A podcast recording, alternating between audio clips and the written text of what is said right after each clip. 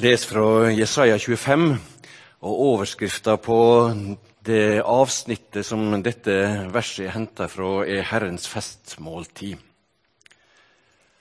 På dette fjellet skal Herren over herskarane gjøre i stand for alle folk et festmåltid med feite retter, et festmåltid med gammel vin, med feite, margfulle retter og gammel, klåra vin. Sånn lyder Herrens ord. Kommer, kommer. Vi lager Å! Bestefar, vet du. Han er seint ute. Men nå er, klart. nå er det klart her. Skal vi se her Å, kjekt å se dere. Dette her håper jeg skal smake. Nå har jeg venta på at dere skulle komme.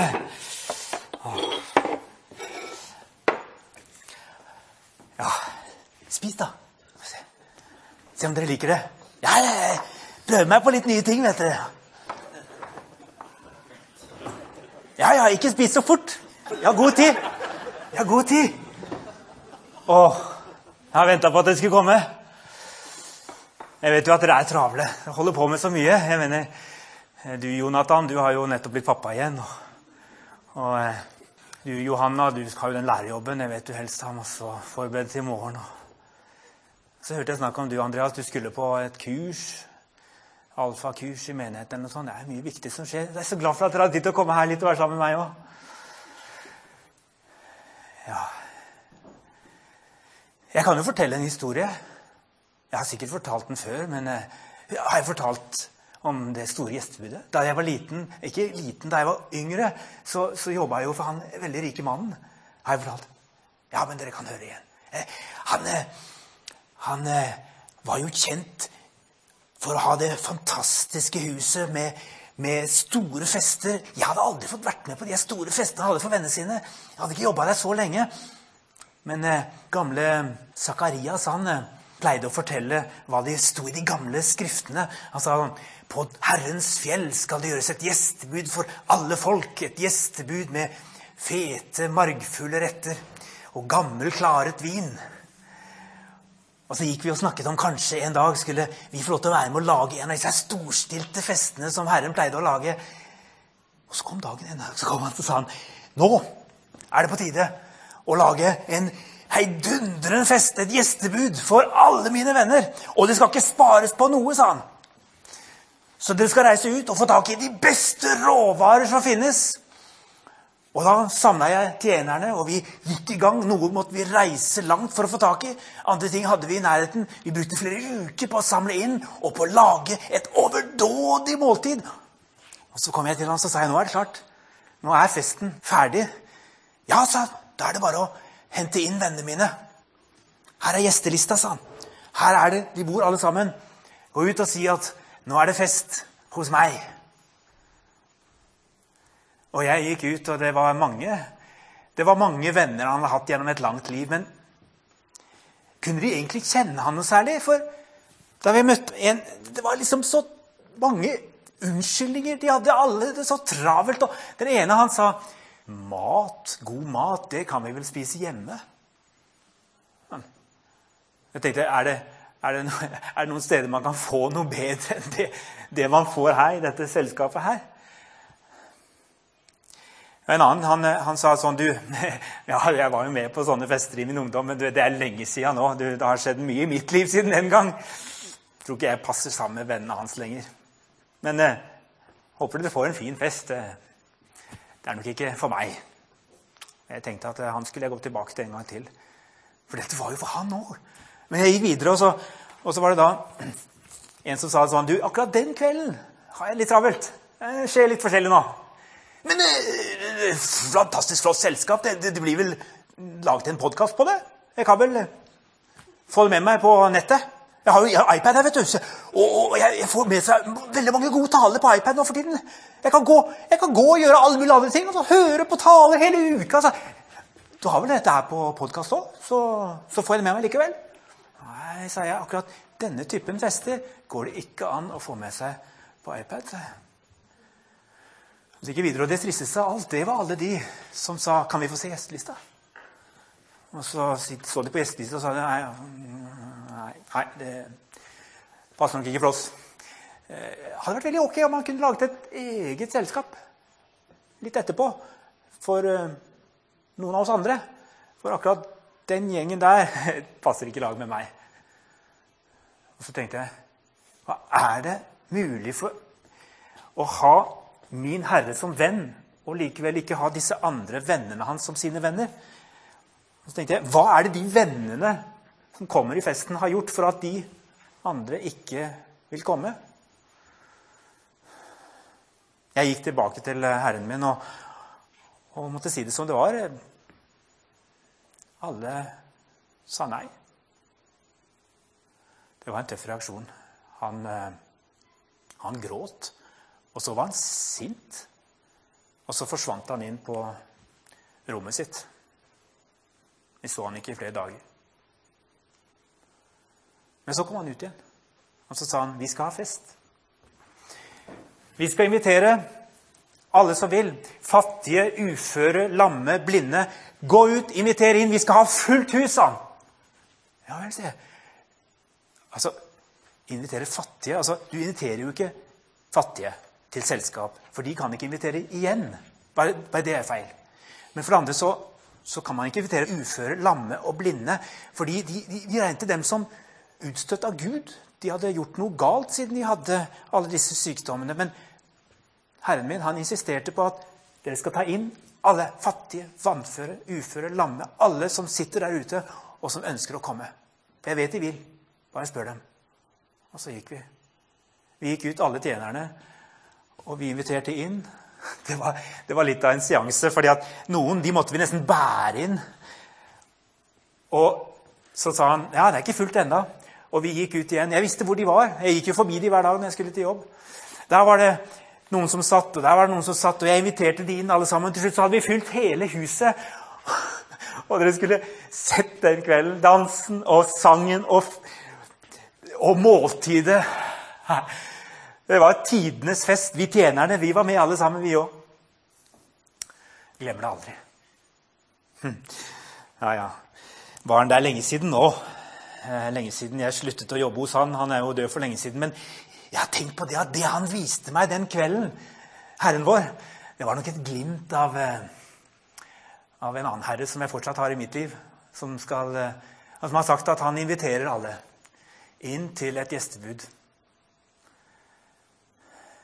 Jeg prater og prater.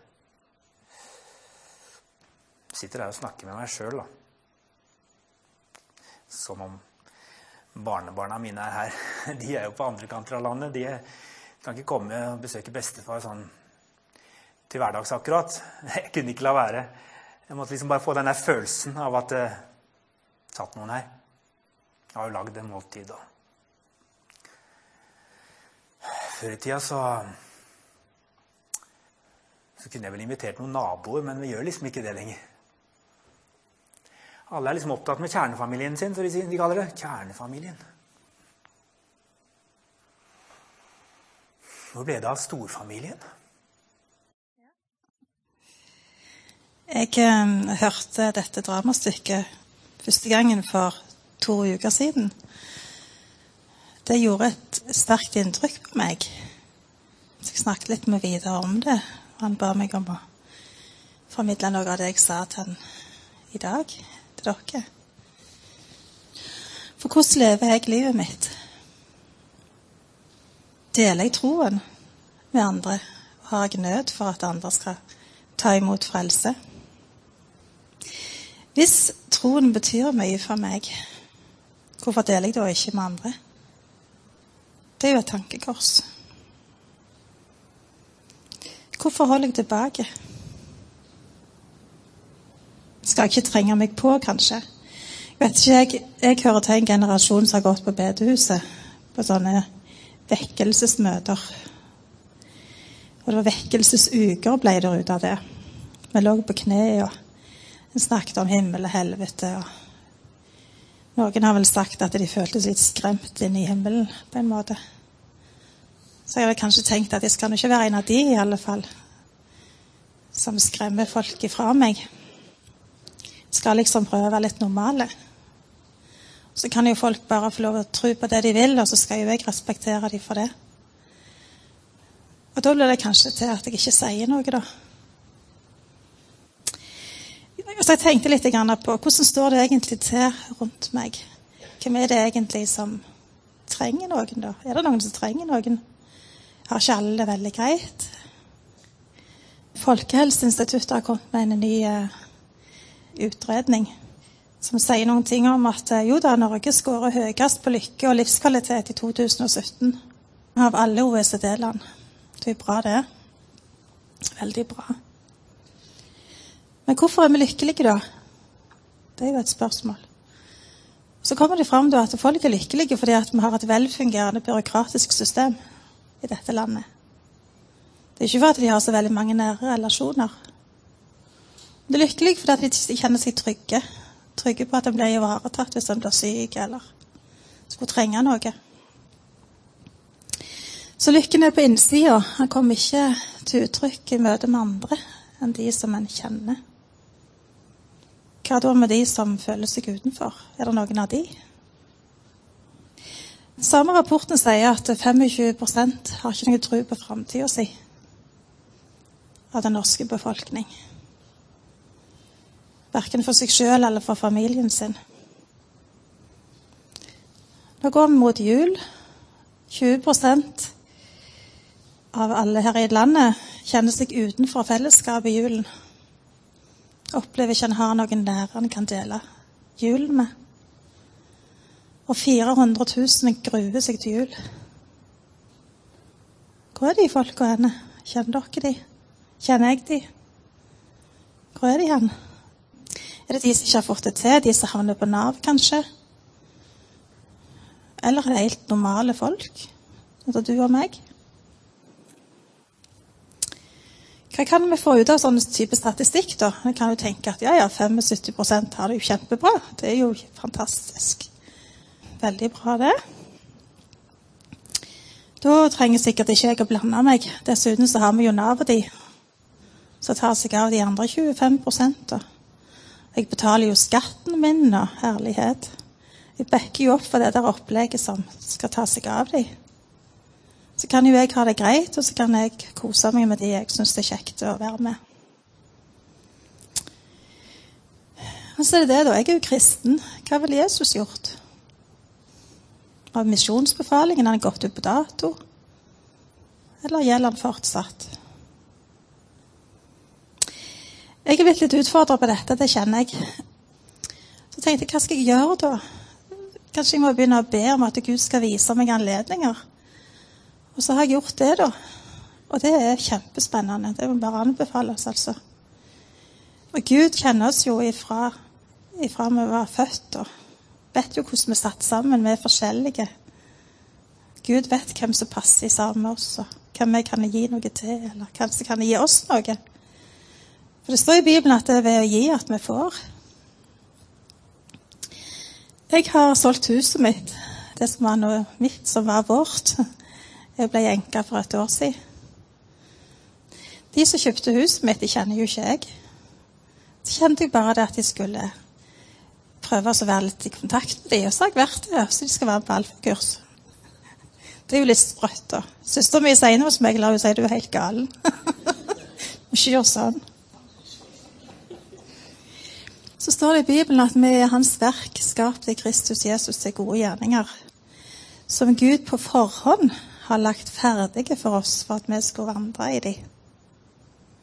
Gud har lagt ting ferdig for oss på forhånd. Det er ikke noe kav. Det er ikke noe slit. Sånn som vi gjerne forestiller oss. Ja, men jeg har det så travelt, jeg har ikke tid til å snakke med noen om Jesus. Nei. Vi skal be, og så skal vi få, og så skal Gud vise oss anledninger. Nå er det snart alfakurs starter på nyåret. Jeg kjenner meg kjempeutfordra på det. Jeg vil ha med meg flere til himmelen. Sånn er det bare. Jeg har et godt budskap å gå med. Jeg kjenner at Gud er til stede i mitt liv. Hvorfor skal jeg ikke fortelle det til andre? Hvorfor skal vi ikke det? Tenk på de som er, har jo Camilla i lovsangstime. Hun er Everton-fan. Snakker om Everton hele veien. Det er liksom bare fotball. Jeg interesserer meg jo ikke for det, så får ikke meg meg på det. Men det er bare sånn eksempel da, på hva vi kan være opptatt av. Så troen den eh, gjennomstyrer jo livet vårt på mange måter. Så eh, nå er det satt sammen border i dag. Det er jo litt sånn spesielt, da. Tanken nå er jo at eh, vi skal eh, bli litt utfordra på å prate litt om dette. Det kommer snart opp noen spørsmål på skjermen. Så er satt av 20 minutter til å dele med hverandre det som, eh, som vi kjenner med tanker vi har rundt dette. Mm. Hvilke tanker gjør du om det vi nå har hørt? Kom med forslag til en trestegsplan for å invitere noen du kjenner, med på alfa. Eller julaftensgudstjeneste om to uker. Kanskje være et sted å begynne. Og det tredje at nye mennesker skal komme til tro. Det sier visjonen vår. Hvilke forventninger har vi til Gud i dette? Og hvilke forventninger har vi til oss selv? Vær så god.